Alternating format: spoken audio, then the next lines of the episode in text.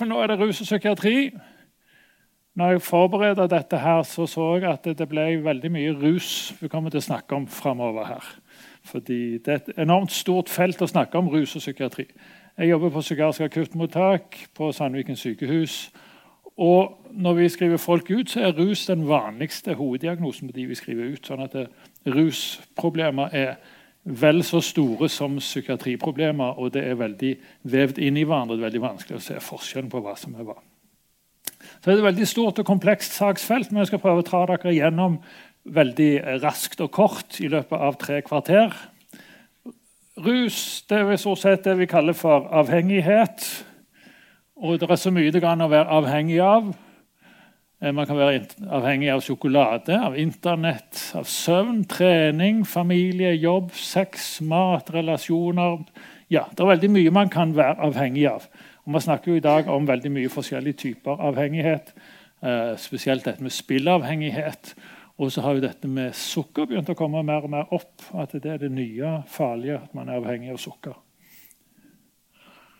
Og dette med avhengigheter har noe med motivasjon å gjøre. Hva man er motivert for å gjøre, hva man prioriterer her i livet, og hva man har forventninger og gleder knytta til.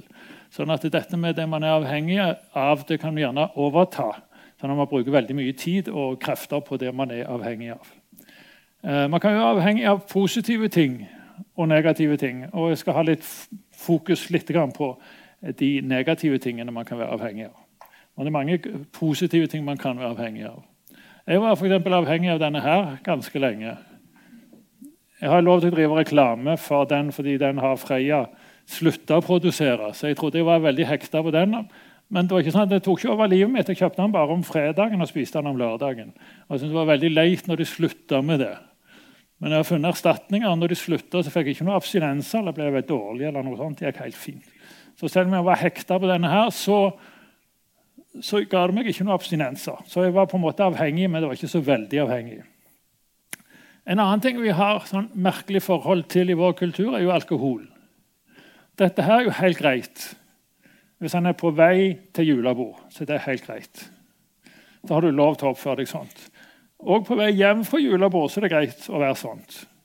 Men hvis han er på vei til jobben, så er det ikke greit i det hele tatt. Så vi har veldig sånn, forskjellige forhold til rusmidler. Veldig delt forhold til rusmidler. Og så er det mat. Kan man òg bli avhengig av, eller i hvert fall I hvert fall spise litt mer enn det som er nødvendig. Hun her er veldig opptatt av taxfree-kvoter. Det er jo litt rart når du tenker på dette med alkohol, hvor skadelig det er. Og Hun er opptatt av å ikke være til venstre. Hun til venstre er ikke opptatt av å være til venstre, hun vil være mer i midten. Ja. Jeg vet ikke om det, det er ikke mobbing av folk som er overvektige. Det er mer for å normalisere at det er forskjellige måter å være avhengig av. Det er forskjellige ting som kan være skadelig. Når jeg studerte, så hadde jeg en professor som sa at det er flere folk som spiser seg i hjel, enn som drikker seg i hjel. Det kommer vi tilbake igjen litt til for å ha litt perspektiv.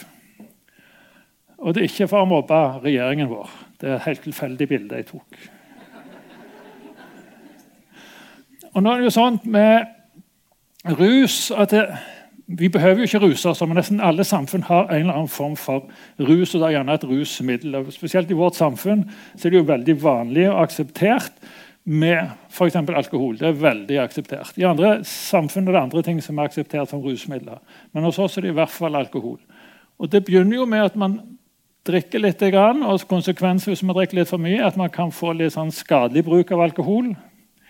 Vil si at man kan få bli dårlig og ikke gå på jobben av og til. Eller så kan man få litt sånn kroppslige sykdommer. Og så Hvis man drikker enda mer, så kan man bli avhengig. Og da er vi over på sykdom. Og alkoholavhengighet eller mange rusavhengighet gir betydelige problemer med både jobb og fungering generelt.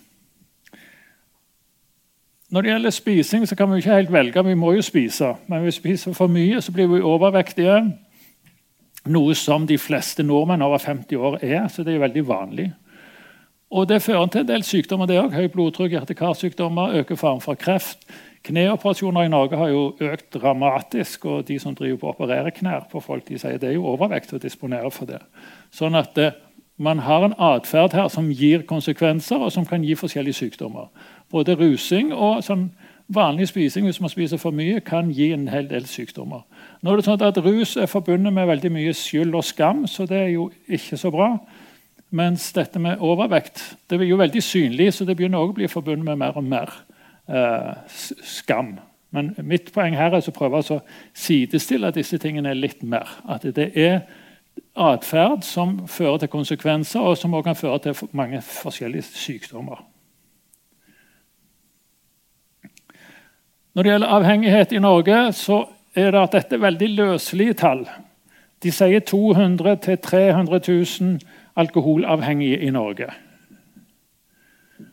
Og så er det 30 000 som er avhengige av legemidler, dvs. Si, eh, vanedannende medisiner som de får hos fastlegen sin. Det er Mange som tror det er stor forskjell på om du får amfetamin av fastlegen din eller på gaten, men det er akkurat samme virkningen. Det er ikke så stor forskjell. Det er mange som tror det er stor forskjell på om du får sterke smertestillende av fastlegen din, eller om du kjøper heroin på gaten. Men du kan faktisk få sterkere smertestillende hos fastlegen din enn den heroinen du kjøper på gaten. Det heter Oxycontin eller Oxynorm, så du kan få av fastlegen din. Det er hakket bedre enn heroin. Og det er jo merkelig at du kan få det hos fastlegen. Men sånt er det. Og så er det 20 000 som er avhengige av illegale rusmidler. Det er jo de vi vanligvis tenker på. De som er narkomane eller de som er avhengige av eh, tyngre eh, rusmidler. Så Hvis vi legger sammen dette, så får vi, vi ca. 300 000. Og vi er 5 millioner i dette landet. Det, vil si det er knapt én av ti som har en avhengighet av ulike rusmidler. Det vil si alle kjenner en eller annen som har et rusproblem.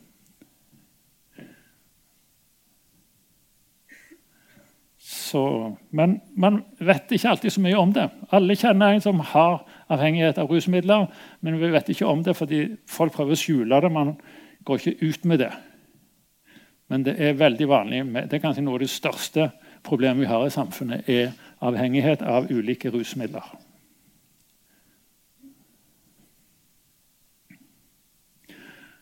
Og her Når ikke jeg vet jeg ikke så mye om Jannicke, men hun synger i hvert fall en sang som heter 'Svake mennesker'. For du, du røyker og du drikker, hvorfor er du så svak, hvorfor er du så svak? Og du blir gulere for hver dag som går. og Dette heter svake mennesker. Så da er spørsmålet er dette problemet med rusmidler er det fordi folk er svake mennesker, eller er det andre forklaringer på at folk ruser seg? Vi, tidligere hadde vi rusomsorgen, som skulle ha omsorg for folk som ruste seg. I dag har vi fått noe nytt som heter Avdeling for rusmedisin. Altså Rus har så blitt en sykdom. altså Man kaller det for rusmedisin. Så vi er i ferd med å forandre oss der. Ehm, jeg så for nylig statistikken over eh, det som før het fyllearresten. Det het arrestforvaring eller noe sånt. Men ok, fyllearresten, alle vet hva det er. Belegget i fyllearresten har gått kraftig ned de siste årene. Og Hvorfor har de det? Jo, da, fordi akuttposten på legevakten har økt belegget voldsomt det som på folkemunne heter rusakutten, men som de sier heter akuttposten. Sånn at Vi har begynt å behandle ruslidelser mer og mer som sykdommer nå, og mindre og mindre moralisering. Sånn, når det gjelder å få Dette er en modell for alkoholisme, men den gjelder for alle mulige slags rusmidler. Og det er at hvis du ikke, Her har du ingen avhengighet bruker aldri mer enn det du skal. Går ikke over daglig grense. og man kan si, Hva er daglig grense for alkohol? Noen vil egentlig si null. Det er ikke noe vits i å drikke alkohol. Før så trodde man at alkohol hadde gavnlige effekter. Det lenge så trodde man jeg også trodde det, at et glass rødvin eller to til dagen var sunt. Men det er blitt avkrefta av større analyser. Det er ingen helsegevinster av å drikke alkohol, bortsett fra at man kan bli i godt humør så lenge promillen holder seg under 0,6. Ellers så er det ingen fordeler. Dårlige nyheter for veldig mange, men eh, sånt er det. Grunnen til at man trodde det var sunt med alkohol, det var fordi man hadde store undersøkelser på folk som drakk to glass rødvin til dagen. Hvorledes gikk det med de? Jo da, de gikk det veldig fint med. De som drakk to små glass rødvin til dagen. Men hvem er det som drikker to små glass rødvin til dagen? Det er folk som har veldig god kontroll over alt mulig i livet. Som er veldig måteholden med alt mulig. Så det var en sånn statistisk målefeil, egentlig. Man fant en populasjon som har kontroll på det meste i livet. Om de drikker et par små glass rødvin til dagen, så gjør ikke det så mye. Her har vi de som er på risiko, de som drikker litt for mye av og til, men de har ikke noe problemer foreløpig. Da er du i risikosonen. Skadelig bruk. Du går over den daglige grensen du bør drikke for alkohol. som man vel sagt, Den grensen har jo gått stadig vekk nedover. Er det to-tre enheter man sier stort sett nå? Jeg vet I England så reduserte de dette. og Hva enheter er, enheter alkohol, hva det er, det har også variert veldig mye. I noen land er en enhet alkohol 12 gram, i andre land så er det 14-15 gram. Så det har variert mye. Men la oss si at man drikker eh, Hvis du sier to enheter, en 30 gram alkohol til dagen, så begynner du å gå over det som er grensen. Så kan dere selv regne ut hva 30 gram alkohol er for noe. Og at du får symptomer. Du drikker så mye at du får symptomer. Symptomene kan jo være at du får såpass kraftig bakrus at du ikke går på jobben, eller at du får andre symptomer. Og Her er det over at du har avhengighet, at du daglig drikker nesten hver dag, og du har symptomer. og Hvis du slutter å drikke, så får du abstinenser. Da har du ganske alvorlig avhengighet. Og Her har du kronisk avhengighet av alkohol. Og du har mange sykdommer. Du fungerer stort sett ikke. Man har jo sett på hvilke rusmidler er det som gir størst skade. Det kommer vi tilbake igjen til. Men alkohol er både det rusmiddelet som er mest lovlig og mest skadelig. Hvis man sammenligner med de fleste andre rusmidler. Så det er jo veldig merkelig at det er sant. Men det er i hvert fall dette måten å bli avhengig på. Man begynner med å bruke rusmidler litt og gradvis mer, og så får man tilvenning, og så får man avhengighet.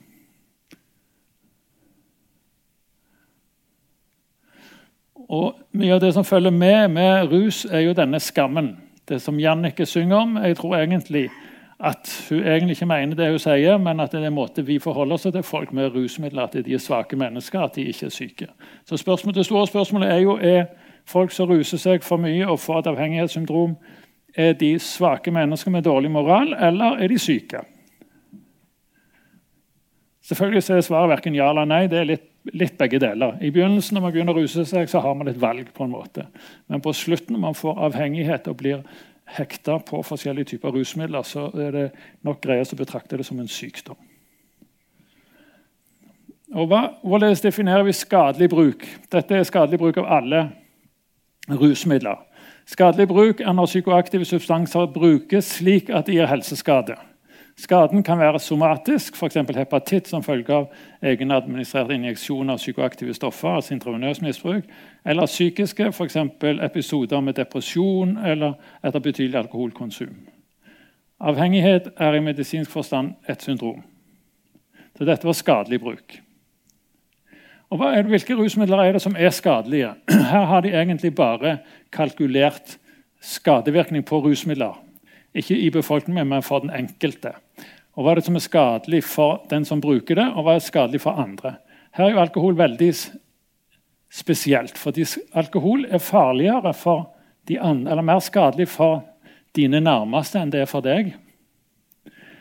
Og det er fordi høyt forbruk av alkohol går stort sett utover dine relasjoner. Det går utover din familie, og det går utover din jobb og det går utover din sosiale fungering. Og Det går ikke så mye ut direkte over deg. Det går utover deg også i veldig stor grad, men det meste skaden av alkohol er du skader andre mer enn du skader deg sjøl. Og da har de Hvorledes jeg regnet ut dette, det, man, det er nokså komplisert å gå inn på, men det går på sosiale og psykologiske effekter av å drikke for mye. Heroin kommer på annenplass når det gjelder farlige rusmidler. Og Heroin går i grad, størst grad utover den som bruker det, men det får også nokså alvorlige eh, sosiale konsekvenser. At det ligger såpass lavt med heroin, er jo litt underlig, kanskje, men det kan hjelpe å tenke på at de første som begynte å bli avhengige av morfin i Norge, det var jo apotekere og leger som hadde tilgang til det. Og de fungerte jo helt fint i De fikk, eller tok morfin på apoteket og hadde rene sprøyter og fungerte fint i jobben sin. Det var når de slutta plutselig de fikk problemer. Så egentlig å bruke heroin er ikke fullt så skadelig som alkohol. Det er jo ganske nært opptil her. Ikke så stor forskjell. Metamfetamin, nei, crack cocaine det er jo egentlig krystallinsk metamfetamin. Det er hakket verre enn vanlig metamfetamin. I Norge har vi heldigvis vært spart for krystallinsk eh, eh metamfetamin, eller crack cocaine. Får ikke håpe det kommer heller. Men metamfetamin har vi ganske mye av. Det er den vanligste årsaken til at folk blir psykotiske på min avdeling. Altså, vanligste årsaken til at folk blir lagt inn med akutte psykoser utløst av rusmidler, er metamfetamin. Jeg lagde en liten statistikk på det for noen år siden. I 2000, 2001, 2002 hadde vi ingen sånn noen. Sist jeg talte, i 2014, så hadde vi 80. Og det har bare gått opp, videre opp. sånn at det, psykoser utløst av metamfetamin har økt veldig. Kokain ser vi nesten ingenting til under innleggelser på psykiatrisk akuttmottak. Fordi de som bruker kokain, er som regel folk som har bedre orden på livet sitt og bruker de helgene. Pluss at eh, kokain har kortere halveringstid enn amfetamin. Amfetamin sitter i lenger. Og Det er noe man stort sett sniffer, mens metamfetamin er noe man injiserer i Norge. i hvert fall. Og så er det tobakk. Kommer her på 1, 2, 3, 4, 5 på sjetteplass. Det var veldig skadelig. Så det er jo underlig å tenke på at det er de som er lovlige her, og disse rusmidlene, er jo førsteplass og sjetteplass. De er lovlige. De andre her er mer og mindre ulovlige. Og Så kommer cannabis, GHB, benzo osv. nedover her. Dette her er Artikkelen er lagd av en som heter David Nutt. Han er professor i psykiatri i London. Og han var rådgiver til Tony Blair når det gjaldt rusmidler. Helt til han publiserte en studie som sammenligna bruk av eh, ecstasy og sprangridning. For Det viser seg at sprangridning var mye farligere enn ecstasy. og Der fikk han sparken nokså umiddelbart. Han var ikke lenger, fordi Det er dette med moralisering og ikke-moralisering. Her har man prøvd å bare se hvor skadelige disse rusmidlene er, uten å moralisere for mye. Avhengighetssyndrom Avhengighetssyndrom det er når en rekke atferdsmessige kognitive fysiologiske fenomener utvikler seg etter gjentatt stoffbruk. Vanligvis har bruker et sterkt ønske om å ta stoffet, vansker med å kontrollere bruken, fortsatt bruk til tross for skadelige konsekvenser, økt toleranse og noen ganger en fysisk abstinenstilstand, og stoffbruken får høyere prioritet enn andre aktiviteter og forpliktelser. Avhengighetssyndromet kan dreie seg om et spesifikt psykoaktivt stoff, f.eks. tobakk, alkohol eller diazepam, en gruppe stoffer, f.eks. opioider, eller bredere spekter av farmakologisk forskjellige psykoaktive stoffer. Det var en veldig lang og komplisert forklaring.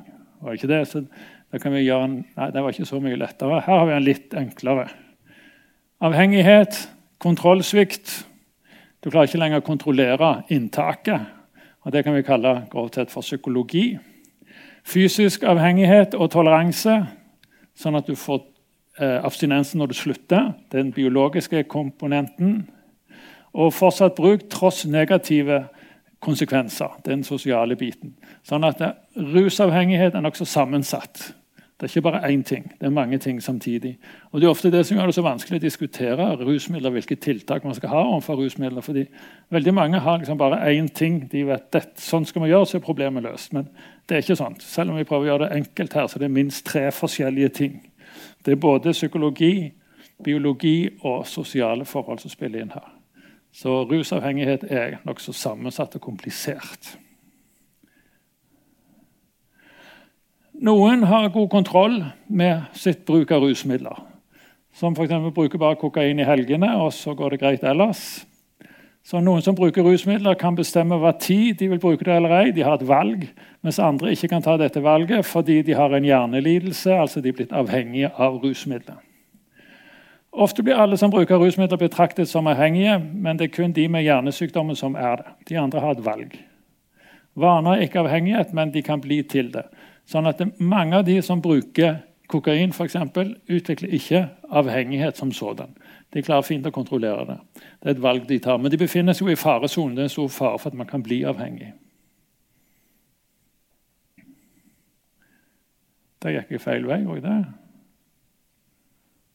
Nei, skal vi se det. Ja. Så avhengighet, kontrollsvikt, psykologi, fysisk avhengighet og toleranse, biologi og fortsatt bruk tross negative konsekvenser med det sosiale. Så er dette et uttrykk for at de er svake mennesker, eller er det ikke det? Og igjen så er vi tilbake til det vi så på her, med at rus Man behøver jo ikke begynne å ruse seg, men når man, man har begynt, så er konsekvensen at man kan utvikle skadelig bruk og en masse sykdommer i forbindelse med det. Akkurat som med f.eks. spising og overvekt. De vanligste rusmidlene vi har, er alkohol. 80% av den norske befolkning har drukket alkohol i løpet av det siste året. Så det er, det er, veldig få. Det er nesten vanskelig å være avholdsmann i dette landet. Du må liksom ha en grunn for å ikke drikke. Du liksom må unnskylde deg å komme med all mulig slags forklaringer. Men nå kan dere jo i hvert fall si at det er ingen helsegevinster ved å drikke alkohol. Så det er jo ingen grunn til det. Så, men eh, det er veldig vanskelig å si nei, fordi det er en sånn del av kulturen at man liksom skal drikke i mange eh, sammenhenger. Når det er julebordsesong, og sånn, går det an å gå på julebord uten å drikke? Det blir ikke lett. Man må nesten skylde på at man har en eller annen sykdom, eller at man ikke tåler det eller ikke liker det. eller noe sånt, for ellers så er det vanskelig. Men det er en, det er en viktig del av vår kultur. Så 80% av den norske befolkning har drukket alkohol siste året. 40% drikker alkohol hver uke. Da kan vi nesten si at De som drikker alkohol hver uke, de er jo nesten i faresonen.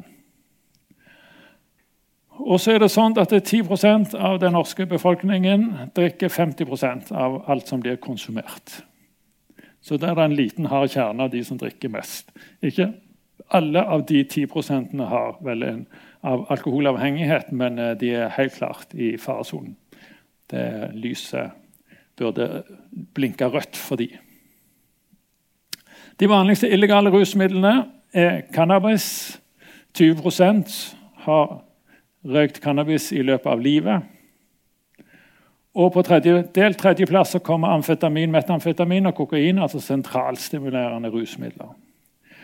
Og så har vi en masse andre rusmidler òg. MDMA, XT, LSD. Fleinsopp det er jo naturmiddel. Det bare går ut og plukker det i naturen. Det er skrekkelig farlig. Jeg har vært ute for en del pasienter som har tatt feil ting og fått nyresvikt og alt mulig forferdelig. Eh, sånn at det, det er ikke å anbefale. Men de andre stoffene her også, man vet jo aldri helt hva du får. Hvis du kjøper MDMA eller LSD, så vet man egentlig ikke hva man får. GHB det er jo fellgrens, og det er vel ikke så vanskelig. Men da er det doseringen som er problemet. Og så har vi NPS, nye psykoaktive stoffer. Og De aner vi ingenting om. Eh, jeg har en som blir lagt inn av og til hos oss. Han bor innerst i en fjord på Vestlandet og han bestiller et bestemt rusmiddel på nettet som han blir eh, eh, hallusinert av. Og Det betaler han via banken sin, og så er det postvesenet som kommer og leverer det på døren. Og Når han bruker det, så blir han altså hallusinert sånn som han blir av det stoffet der. Og så kommer han til oss. Det er vanskelig å kontrollere dette. her. Pluss at man har vel registrert en 500 nye stoff her, i nye psykoaktive stoffer som kommer hvert år. Så det er en voldsom strøm av nye, det de kaller for designer drugs og syntetisk hasj. og alt dette her. Så det er en voldsom pågang, og mye av disse kan du bestille på nettet. Nå driver ikke jeg reklame for dette, her, det er bare å gjøre oppmerksom på at det, det, går an å kjøpe dette. her. Man aner stort sett ikke hva det er for noe, eller hvordan det virker. Så det er skummelt. Skal vi se Drikkefrekvens. Hvor mange er det som drikker i Norge? Her kan vi se at I 2012 så var det 39% av befolkningen drakk hver uke. Det har, ser ut som det har holdt seg ganske stabilt, eller kanskje gått litt ned. Men de som aldri drikker, det er kanskje det tallet som er mest bekymringsverdig. Aldri drukket alkohol. Det har gått fra 12 og gradvis opp til 18 her. Så avholdsbevegelsen ser ut til å ha dårlige kår. Det har gått Eller det har jo gått opp, det har blitt flere som aldri drikker. Så for avholdsbevegelsen er det gode nyheter. 18% Men eh, det har vel holdt seg nokså stabilt til akkurat de siste årene. Men hvis vi ser litt vi se. Når det gjelder cannabis De som har brukt cannabis noen gang, så er det denne aldersgruppen her. Man skulle jo trodd at det økte med alderen. At de hadde prøvd mest, men det viste de er jo de laveste. Så dette med hasj og bruk i befolkningen er noe som man har gjort mest i. Det er et nokså nytt fenomen. sånn at det er yngre folk som har gjort det. Når jeg vokste opp, så kjente storebroren til en kompis hadde hørt om en som hadde vært, snakket med en som hadde røykt hasj. Så det var veldig uvanlig. Men jeg kom fra Stavanger, da, så jeg var helt annerledes i Bergen. Men det var helt, Man visste simpelthen ikke hva det var for noen gang. Så Derfor er det denne gruppen her som har røykt mest hasj. De kjenner til det. Og cannabisbruken totalt sett ja, vet ikke om det er noen statistisk oppgang her, men uh, det holder seg nokså jevnt. Sentralstimulerende stoffer på de fleste fra 16 til 64. Kokain, ha, om de har brukt det noen gang, er 4% av befolkningen. Amfetaminer og dette det, det er nokså sjeldent. Enda sjeldnere med disse her. Altså, tenker vi at Siste året har de brukt noe av dette. her, Så det er nokså sjeldent man bruker disse stoffene. Det er ganske få.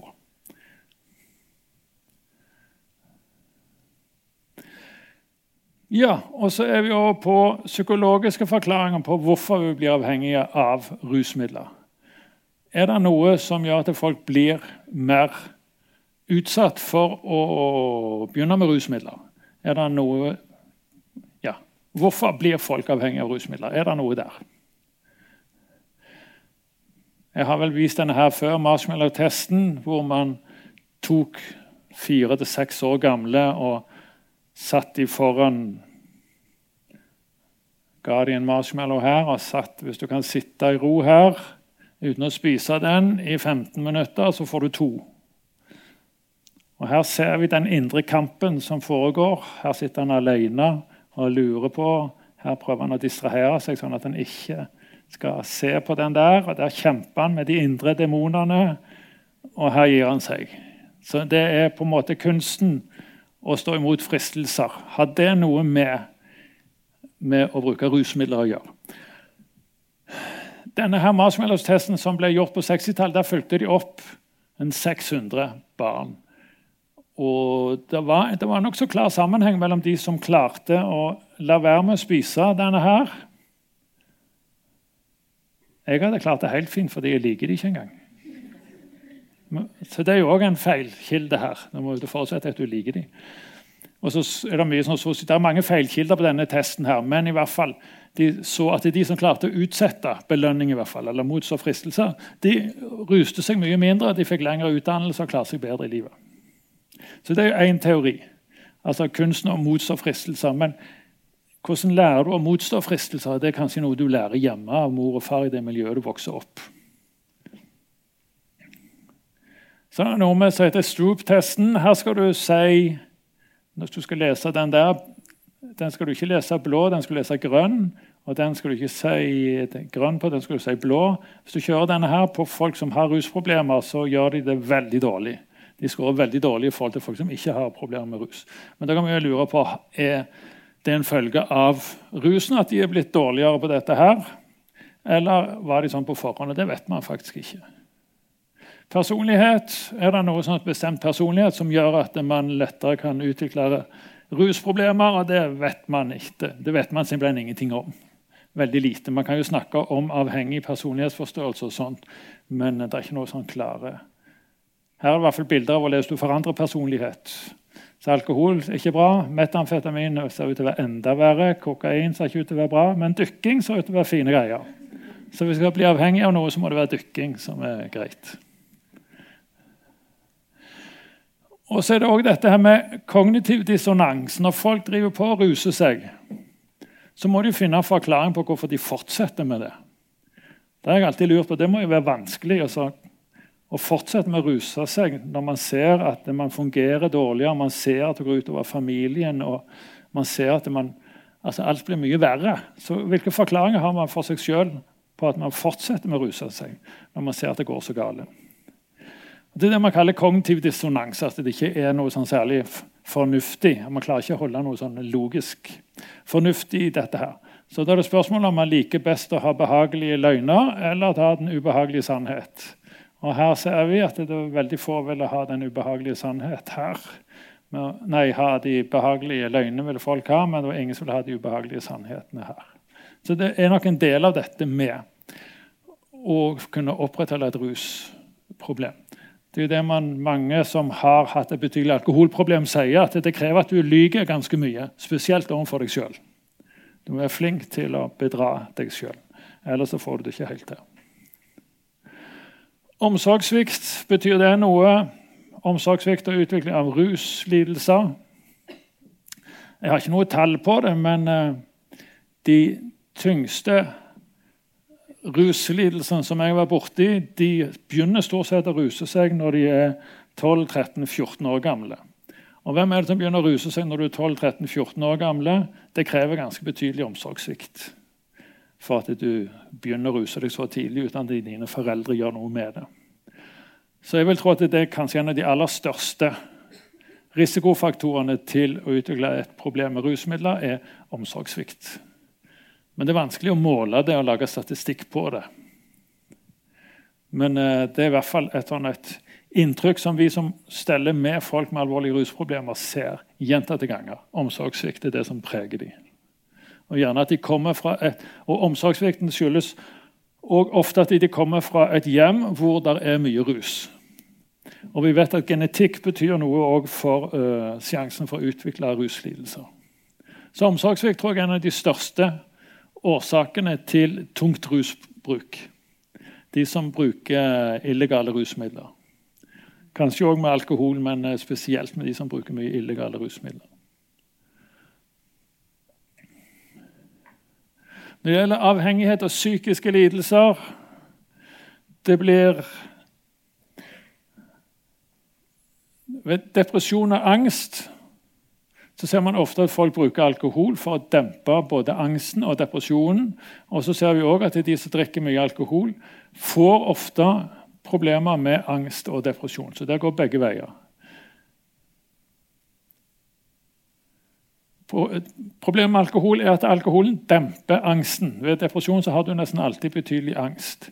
Og Da er det veldig lett å ty til alkohol, fordi det demper angsten du har. Og Det hjelper i dag, men du blir ikke bedre i morgen. Tvert imot, du blir dårligere i morgen.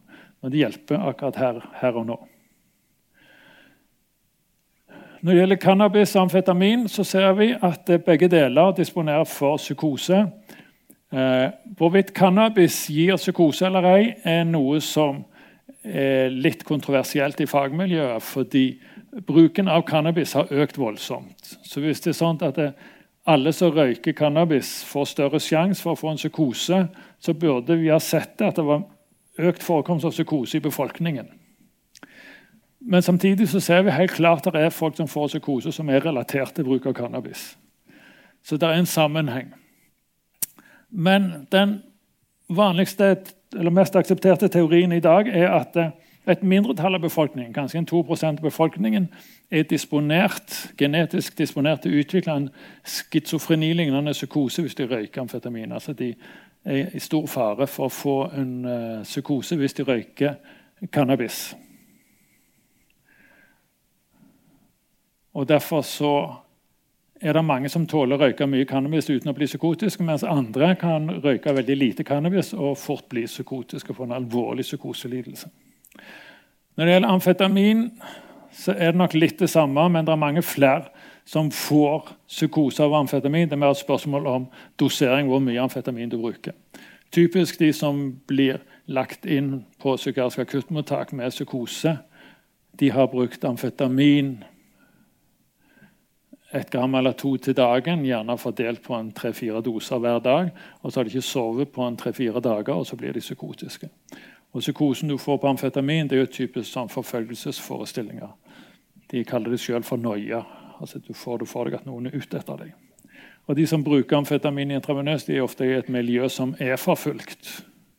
Og politiet er ute etter dem, og de har kjøpt stoffet av ute etter pengene dine. og det er mange som er ute etter deg, Så det å få noia er nokså nærliggende. Ved schizofreni, som er den alvorligste psykiatriske lidelsen, så, har, så ser vi at 80 av de røyker sigaretter. Selv nå når det ikke er så, så, så så gjevt å røyke sigaretter lenger. Det var jo fint før. Men eh, nå er det ikke fint å røyke sigaretter. Men eh, av de som har schizofrenidiagnosen, så røyker 80% Og 50% av de som har schizofreni, har et betydelig rusproblem når de kommer til behandling første gang. Sånn at Det ser ut som om psykoselidelsen gjør at man oppsøker et rusmiljø, og at man lett blir eh, henfallen til rusmidler. Hvorfor så mange av de med, med schizofreni som ruser seg, det kan ha både psykologiske forklaringer, at de oppnår glede ved å bruke rusmidler i større grad enn andre. At de, og sosiale forklaringer, at de faller utenfor normale sammenhenger med venner. og sånt, Sånn at de oppsøker mer eh, rare miljøer som man finner i rusmiljøer. Og det er sånn at En av fire voksne med psykiske lidelser har også en ruslidelse. Så hvis du har psykiske lidelser, så er det veldig stor sjanse for at du òg har en ruslidelse. Og hvorfor er det sånn at eh, psykisk lidelse og rus henger så nøye sammen? Det er veldig mange som har forklaringen på det.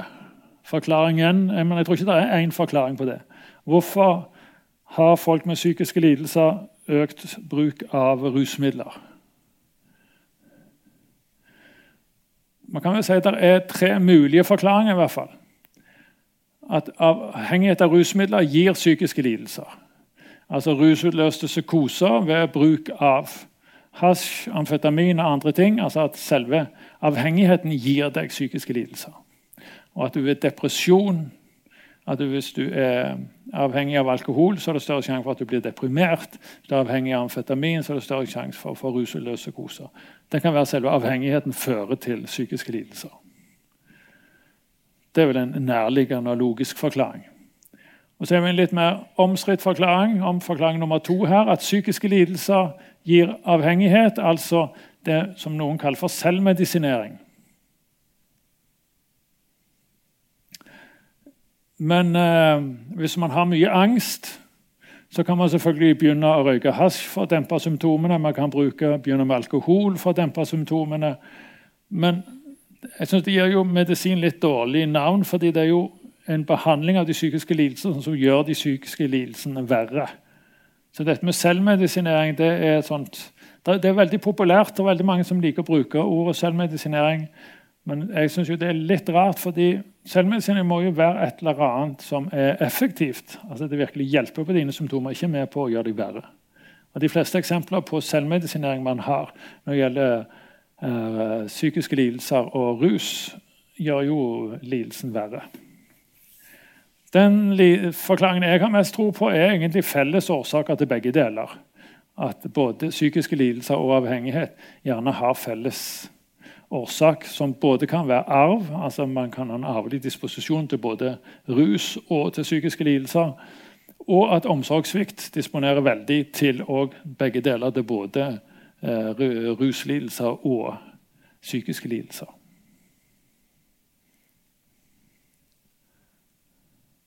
Og hvorfor blir vi avhengig av rusmidler?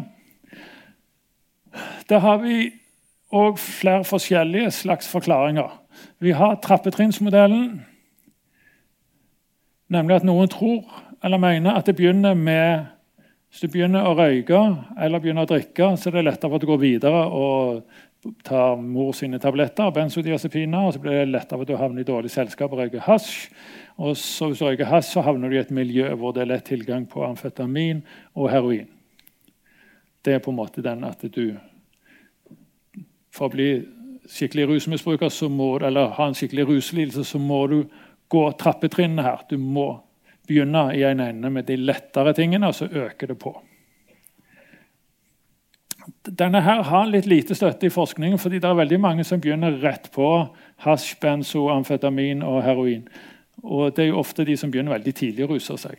Så det med at du skal gå rundt og ha røykt vanlige sigaretter ganske lenge før du begynner å røyke hasj, det, det har ikke så veldig mye støtte i de observasjonene man ser.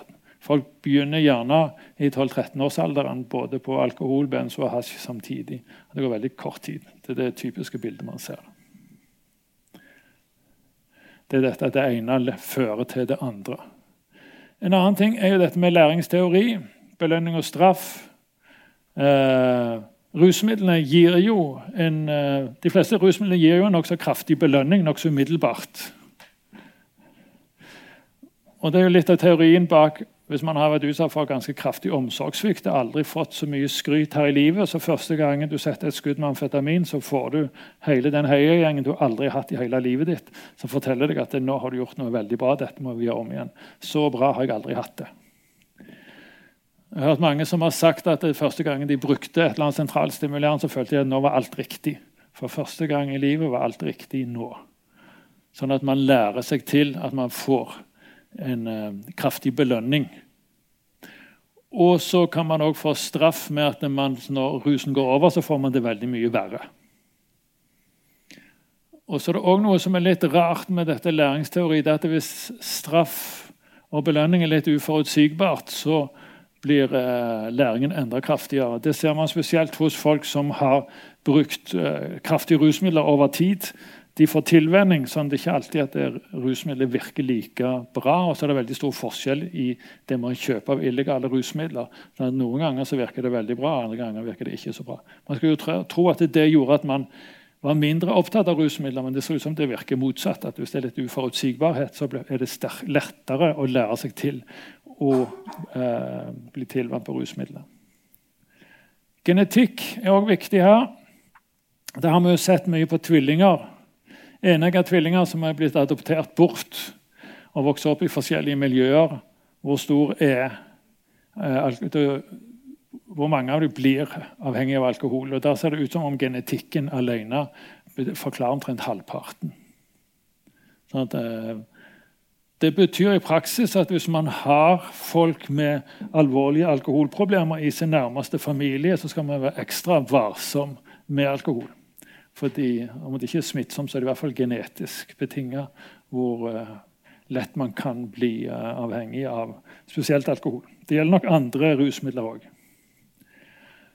Og så har vi òg en nevrobiologisk modell for avhengighet som går på at rusmidlene påvirker direkte hjernens belønningssystem.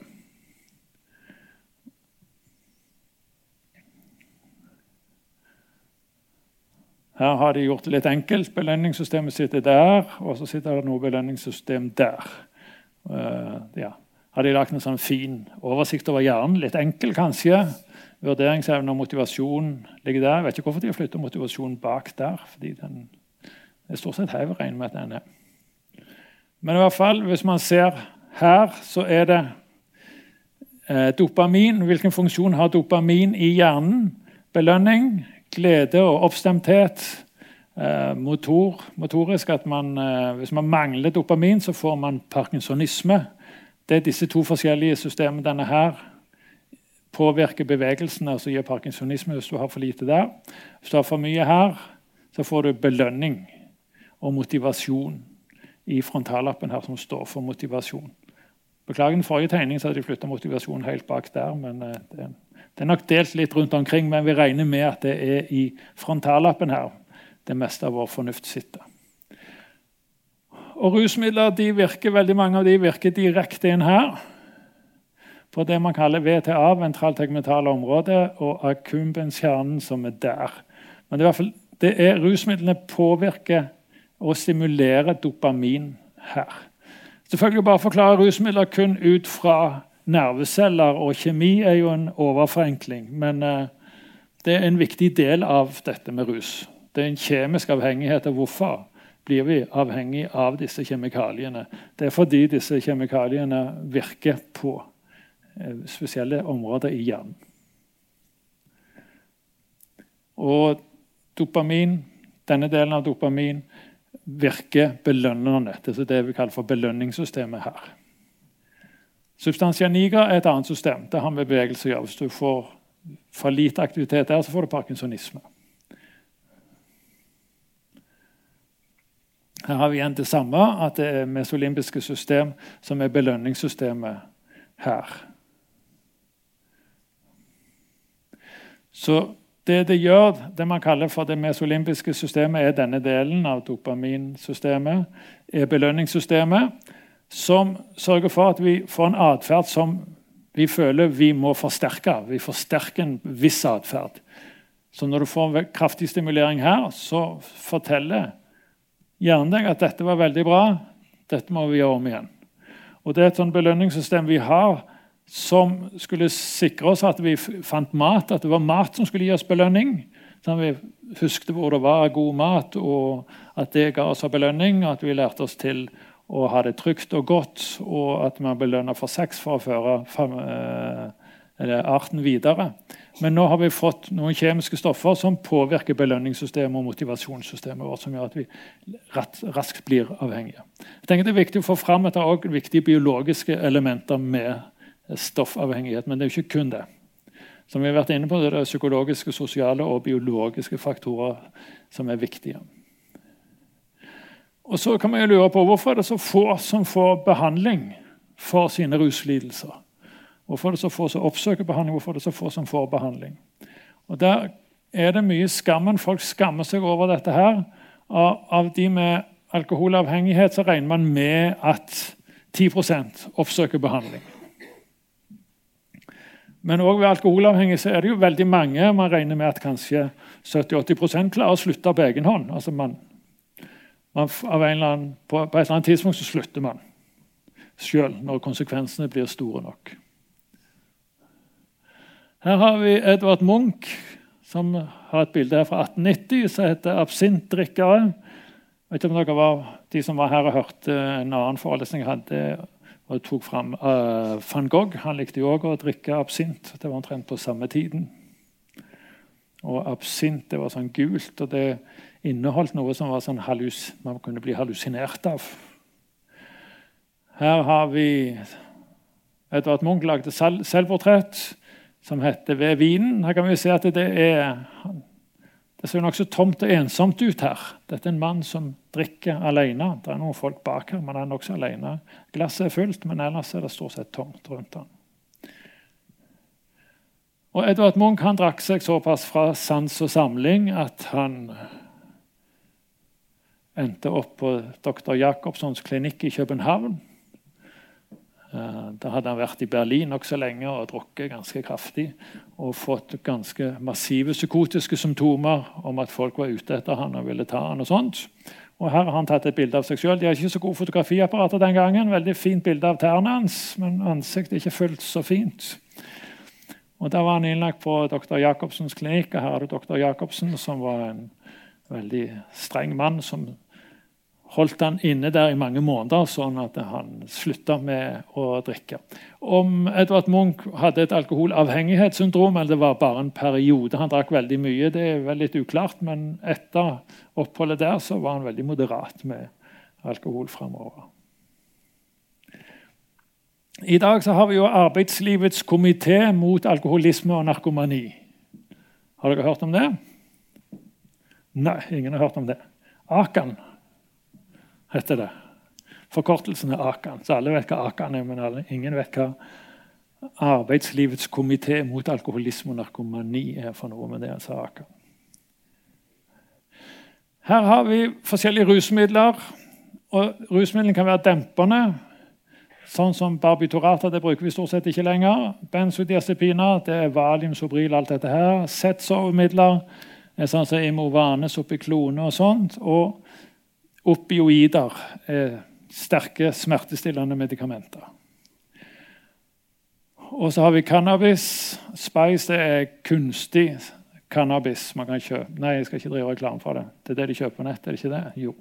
Du kan sikkert kjøpe det andre steder òg. Det var vel spekulasjon om han svensken som drepte en kar i Oslo. Han brukte, røykte mye Spice. var vel spekulasjonene. Så har vi stimulerende ting sånn som amfetamin, kokain, katt og flere her.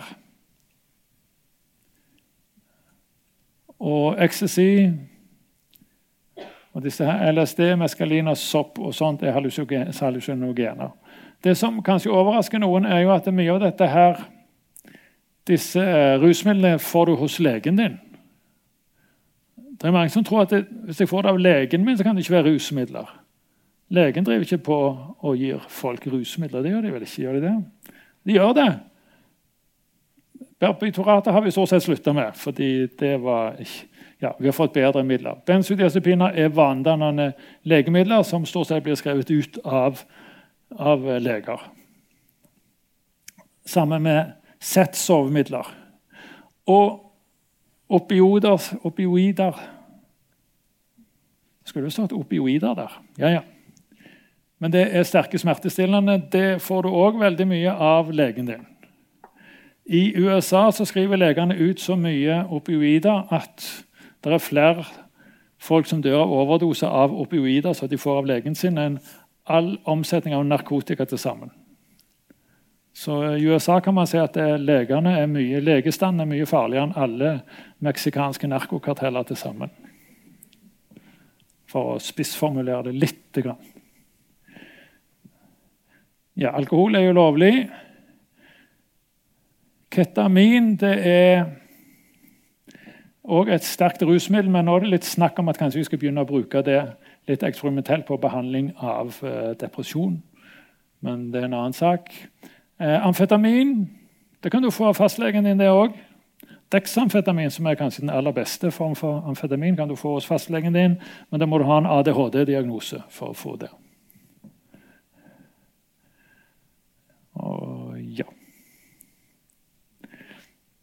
Når det gjelder avrusning av alkohol, piller og heroin, så er det sånn at det her er det sånn framstilt litt heroinabstinenser, litt enkelt.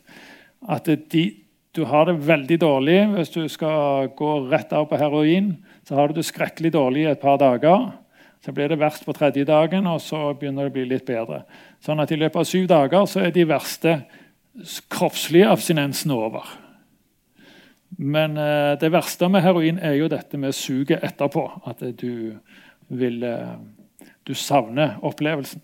Og når det, gjelder bruk, altså når det gjelder avrusning, så kan man jo tenke på at man skal ha kort tid og akutt avrusning. At det skal være tilgjengelig for folk, sånn at man kan oppsøke avrusning nokså akutt. Eller er det noe som man skal jobbe med lenge og bli motivert for, og at man så skal bruke lang tid på? Der er man nå i ferd med å snu litt på det. Før så snakket man mye om at man skulle være motivert for å få avrusning. At du skulle gå litt lenge og være motivert over litt lang tid, og så skulle selve avrusninga sånn ta lang tid. Nå er man i ferd med å snu litt og tenke på at det, det ikke er nødvendig at du skal være så skrekkelig motivert. Det er bedre at vi har et behandlingstillegg eh, tilgjengelig, sånn at du kan komme til hvis du er bare litt motivert for å slutte. Og Avrusning er jo spesielt aktuelt ved alkohol og piller, sånn som benzodiazepiner og heroin. Både ved alkohol og benzodiazepiner er det jo fare for at man kan få delir, som kan være en nokså farlig tilstand. Ja. Det er viktig her å jobbe med motivasjon hele tiden. Og den mest effektive behandlingen for videre avhold fra rusmidler og sånn er jo kognitiv terapi. Men kognitiv terapi er jo veldig vanskelig. Det krever at du er i stand til å tenke kritisk omkring dine egne handlinger. Det har jeg vanskeligheter med på dårlige dager. så det er ikke så lett det er å forlange nokså mye av folk å, kunne reflektere kritisk over det du holder på med. Så det man tenker er at man skal drive samtidig behandling av psykiske lidelser og avhengighet det man driver med når det gjelder eh, behandling av rus, er substitusjonsbehandling. Sånn som man har veldig mye av i Bergen, hvor vi bruker Subutex eller Metadon. Det er vel over 1000 som går på substitusjonsbehandling i Bergen. Det er jo folk som har hatt alvorlige rusproblemer med heroin spesielt. Og Hvis de så begynner å bruke Subutex eller Metadon, så blir faren for eh, overdosedødsfall betydelig redusert. De blir på en måte like avhengige av Subutex som metadon, men de kan velge å trappe det ned over tid. Men den største fordelen er at faren for eh, injeksjoner, infeksjoner og sånt når man injiserer, slipper de, fordi dette er noe man tar peroralt. Og faren for overdosedødsfall blir kraftig redusert. Vi har òg aversiv behandling, antabus. At folk som har problemer med styre alkoholinntaket, kan ta seg en antabus, og så vet de at eh, når jeg har tatt denne her, så kan jeg risikere å bli veldig dårlig hvis jeg drikker alkohol. Men så er det noen som er veldig smarte, som har gjort dette mange ganger før og vet hva de skal gjøre for å unngå dette. Og andre, ja, Jeg skal ikke gi noen tanker her. Blokkere virkning. Man kan blokkere virkningen av rusmiddelet med noe som heter en altrokson, for eksempel, som en opioid-antagonist. sånn at eh, man kan, I dag så har vi et prosjekt i Bergen hvor folk får depotinjeksjon med et eh, middel som blokkerer virkningen av heroin. sånn at Hvis du går på byen og kjøper heroin og setter deg et skudd, så virker det ikke. Fordi det er blokkert av den depotinjeksjonen du har fått. Det, jo, det, høres jo veldig lurt ut, men problemet er jo at når de så slutter med dette, så er de blitt veldig følsomme for opioider eller for heroin, så det er veldig lett å sette en overdose. Fordelen er jo at det er en sånn sprøyte de får en gang i måneden. Den virker veldig lenge. den virker en måned. Men hvis du så etter en måned setter det vanlige skuddet ditt, så risikerer du å dø av overdose. Det er jo det man så spesielt før i Bergen fengsel. Da var det én eller to i måneden som døde etter løslatelse fordi de gikk ut og satt det samme skuddet med heroin som du er vant til å sette. Men det er én måte. Det er vel under det er vel et prosjekt man har på gang for å finne ut om det hjelper eller ikke hjelper å sette depotinjeksjoner for å få folk til å slutte å bruke eh, heroin. Ulempen med Naltrekson er jo at det òg blokkerer en del glede. Sånn at mange folk som bruker Naltrekson, rapporterer at de har mindre glede i livet. Man kan også bruke Naltrekson som tabletter. Og Da blokkerer de euforien man kan få av å drikke alkohol, som ved alkoholisme så har man også hatt en viss effekt av å bruke Naltrekson. Nå er det jo dessverre sånn at det, eller det er ikke dessverre, men Noe av det som har størst suksess, er jo faktisk de som klarer seg helt uten behandlere. Selvhjelpsgrupper, AA, anonyme alkoholikere. Og de har eh, anon NA, anonyme narkomane, eller det det heter. De har veldig stor suksessrate, og det fungerer veldig bra. Det fungerer nesten like bra som veldig mange eh, med profesjonelt drevne ting gjør. Og dette er jo fordi man, det er folk som selv har, det begynte jo med folk som selv hadde alvorlige alkoholproblemer. og slutta med det. Og så begynte de å ha grupper hvor de inviterte inn folk som hadde alvorlige alkoholproblemer. Og Det fungerer veldig bra for de som har veldig liten kontroll over inntak av alkohol. Fordi Grunnideen er at man sier at det, jeg tåler ikke alkohol, jeg må holde meg helt vekke fra alkohol. Jeg må stole på et høyere vesen eller noe annet høyere enn meg. Jeg skal ikke nødvendigvis være en gud med det høyere prinsippet enn meg. Og at eh, du slår deg sammen med en annen som skal passe på deg og hjelpe deg. Men det er veldig høy rate av suksess blant de som er med der. Så har vi noe som heter recovery-modellen. Det er at man skal klare å bli bedre av seg sjøl. Og det er jo fint. Og så har man en retning som ikke hjelper så veldig mye. det er At man er et offer for kjemi i hjernen, det hjelper ikke så veldig mye for noen. Men det er greit å vite at det er noe kjemi oppi dette her som gjør det ekstra vanskelig. Og så har vi forskjellige perspektiver på dette med rus. Tilgjengelighet betyr ganske mye. Vi har jo hatt mange forskjellige populære og upopulære tiltak med å begrense tilgjengeligheten av alkohol i Norge. Som har gjort noe med hvor mange som drikker.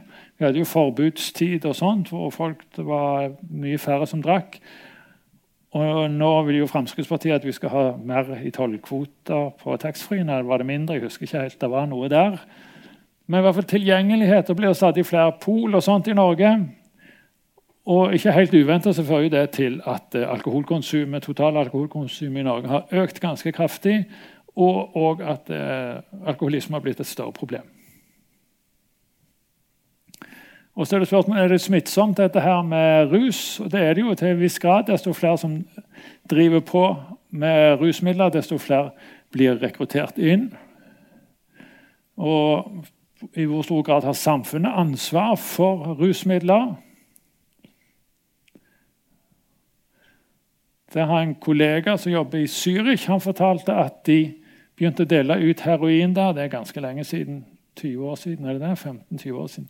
De begynte i hvert fall å dele ut heroin og så når de, til registrerte tunge narkomane. og Når de hadde gjort det et par år, så var miljøet som omsatte dette, her stort sett vekke. Og rekrutteringen til eh, tunge rusmidler var blitt kraftig redusert. Så det hadde samfunnet tatt det nokså klart ansvar og gjort noe. Nå sier ikke at heroin, utdeling av heroin er løsningen på alle problemer, men det er erfaring man har fra andre steder. Så har man òg det man kaller for totalkonsummodellen. Desto mer rusmidler blir konsumert i et land, desto større er skadevirkningene. Her har vi hvis du tar liter ren alkohol per person i Norge, det er den svarte der, så har ikke det forandra seg så veldig mye siden 1980.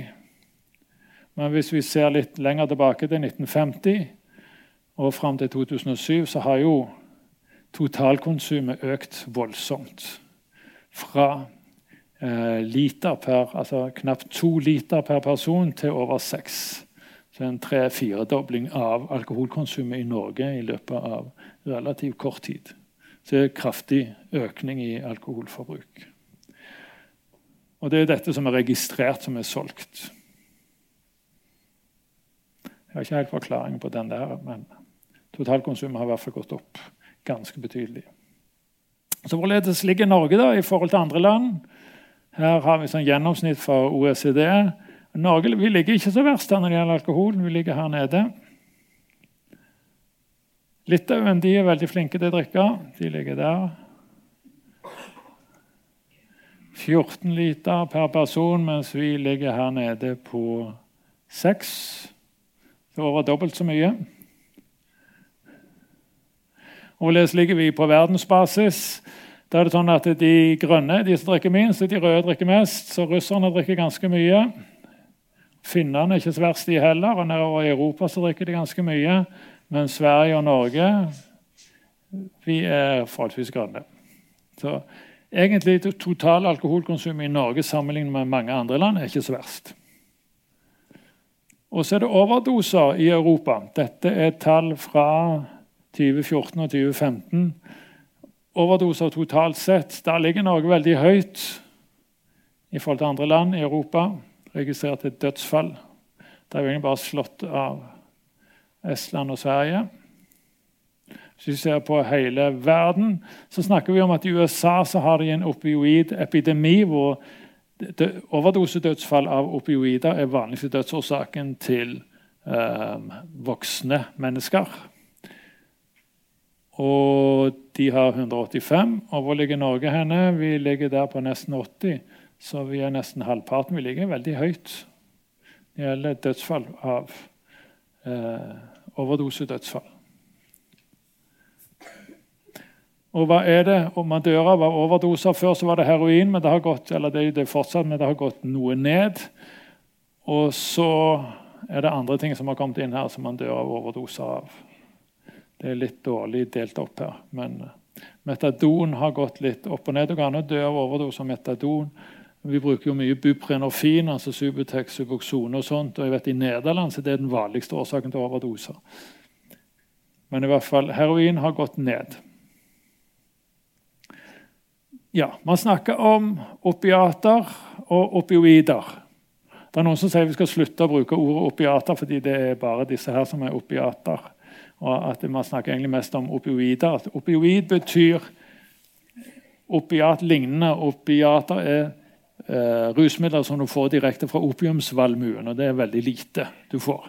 Nesten alt er noe som er ligner på det du får direkte fra opiumsvalmuen. Så både morfin, kodein, som er Palgin forte, heroin, etylmorfin, oksykodon Alt dette her kaller vi for opioider. Ja, legalisere marihuana nå. Dette var en demonstrasjon i Tromsø tror jeg, for lenge siden. Og det er for så vidt greit. Eh, vi vet ganske mye om det, å legalisere marihuana.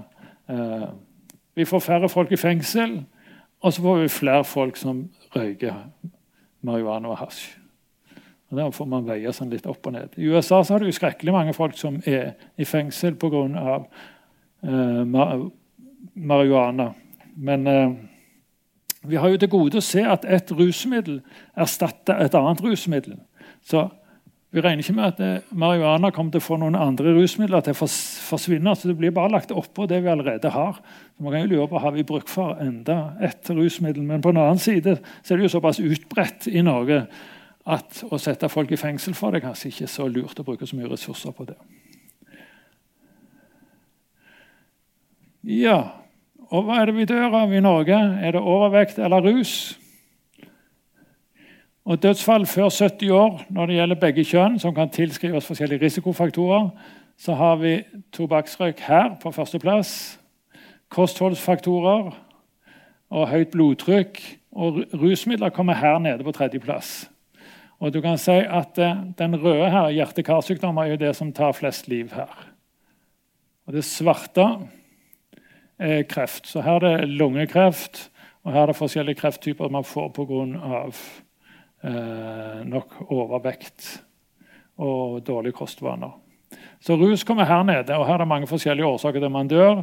og Da er det den blå der som er vanligst, psykiske lidelser og ruslidelser, som man kan dø av. Og dette er jo for, de, de røde her som er hjerte-karsykdommer, er jo i stor grad relatert til kosthold og til overvekt.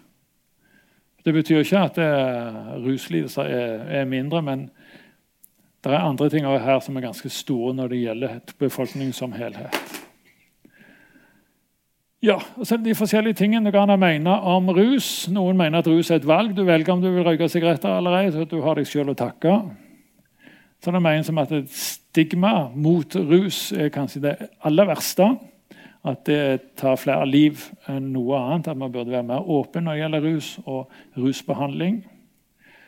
Og så er det òg dette med at rus er ofte elefanten i rommet. I to betydninger. For det første så er rus det man ikke vil snakke om i hjemmet, som ødelegger hjemmet. Så på den måten er det elefanten i rommet som man ikke vil snakke om. Fordi det er mye skam forbundet med rus som man vil unngå å ha noe med det å gjøre. Og På den annen side så er jo elefanten òg dette med de blinde mennene som skal undersøke en elefant, de sier at det er en slange, eller det er en eh, kost, eller det er noe et laken, eller det er en vegg. ikke sant? Alt etter hvor du kommer hen og tar på eh, elefanten. Sånn at eh, Man har mange forklaringer på rus, og man vil helst ikke snakke for mye om det. Så Når man snakker om rus, så er det, dette, er det fritt valg? Er det en vane? Er det skadelig bruk, eller er det avhengighet? Og Hva er forklaringen? Er det samfunnet det er noe galt med? Er det individet? Er det de sosiale setningene det er noe galt med? Eller er det psykologiske faktorer eller hjerneorganske faktorer som betyr mest her? Ja, jeg skal lese litt om rus, så har Jørgen Bramnes skrevet en enkel og grei liten bok om avhengighet. Det er også denne her, rusmiddelavhengighet, og dobbelt opp rus og psykiske lidelser. Det var det jeg hadde tenkt å si. Da lurer jeg på om det er noen som har spørsmål eller kommentarer angående rus, eller om alt var helt klart, at ingen lurer på noen ting. Ja, Det er noe som heter ruseløs psykose, så det er noe som heter psykose. Og så ønsker damen bakerst der at jeg skal si noe om det. Ja, eh, Det er litt vanskelig å si ting om, fordi fagfolk er jo også litt uenige om dette her, hva tid er en ruseløs psykose, og hva tid det egentlig er en psykose. Eh, I praksis er det sånn at hvis folk har brukt veldig mye rusmidler, så vil vi gjerne observere dem over litt tid før vi kan avgjøre om det er rusmidler som har utløst psykosen, eller om de har en psykose i utgangspunktet og så har begynt å ruse seg i ettertid. Så det er veldig vanskelig. Eh, I prinsippet så sier vi at eh, hvis pasienten har vært dokumentert rusfri i 48 timer, så har vi en rusutløst psykose. Da skyldes det ikke den farmakologiske virkningen av rusmidler, men da er det en rusutløst psykose vi har. Og Hvis de har sånn rusutløs psykose som varer i mer enn fire uker, mens de er dokumentert rusfri, så kaller de det for en psykose. Det var Rema 1000-forklaringen på rusutløs psykose kontra psykose. En enkel, en litt overforenkla forklaring. men Det er stort sett det vi er enige om. Det krever en viss rusfrihet før vi kan si at en rusutløst psykose. Men noen psykoser har såpass spesielle symptomer at vi kan si at nei, det er nok en uh, psykoselidelse, selv om man har rusa seg i tillegg. Ja. Andre spørsmål? Ja. Ja, det var noen som lurte på om jeg kan si noe om delir. Eh, delir er jo egentlig bare en forvirringstilstand. Men det er veldig mange grunner til at man kan ha delir. Delir betyr ja, Lira betyr plogfure. Det betyr at du sporer av. Så delir betyr egentlig at du er avsporet på en måte. Og Det er stort sett en forvirringstilstand. Delir er et akutt organisk eh, forvirringstilstand eller en akutt hjernesvikt som kan skyldes veldig mye. Det folk flest tenker på, er jo alkoholdelir. Det kaller man for delirium tremens fordi man skjelver ofte og samtidig ved alkoholdelir. Og det er hvis man har man må nesten drikke hele brennevin til dagen i en måned. Det holder ikke med en tur til Syden. Du må drikke ganske mye. Og du så plutselig slutter å drikke, så vil, veldig, så vil halvparten utvikle et delir. Uh, av de som er utsatt for det. Så delir skyldes Man kan også få delir av å bruke visse rusmidler, men vanligst er det fordi man slutter. Det, når det gjelder rus, så er det uh, alkohol og benzodiazepiner som er vanligste årsaken til man får delir, som er en slags abstinenstilstand. Som er ganske farlig. En 10% dør under delir. Så det er viktig å få behandling for det. Så hvis man har et abstinensdelir, så er det viktig å være eh, under medisinsk overvåkning når man har et delir. Spesielt hvis det er mer kraftig, langvarig delir. Ja. Ja, Går det an å drikke mye over lang tid uten å få abstinenssymptomer? Det går egentlig ganske fint, fordi det er veldig mange som tåler ganske mye, som kan drikke ganske mye uten å få abstinenssymptomer. Uh, men det spørsmålet hva vi kaller for å drikke mye. Uh, det vi regner med at var for delir, så må du nesten drikke svarende til ei hel flaske brennevin til dagen. Eller fire hele rødvin til dagen. Eller det tilsvarer vel òg ti halvliter med øl til dagen. Så det er ganske mye du skal opp i før det er fare for å få delir. Så det er, det er nok ganske mange. Som vi så her, så er det jo en 40% av Norges befolkning drikker alkohol hver uke. Hvor mange som drikker hver dag, er nok færre. men... Eh, det går an å drikke ganske mye hver dag uten å få abstinenser.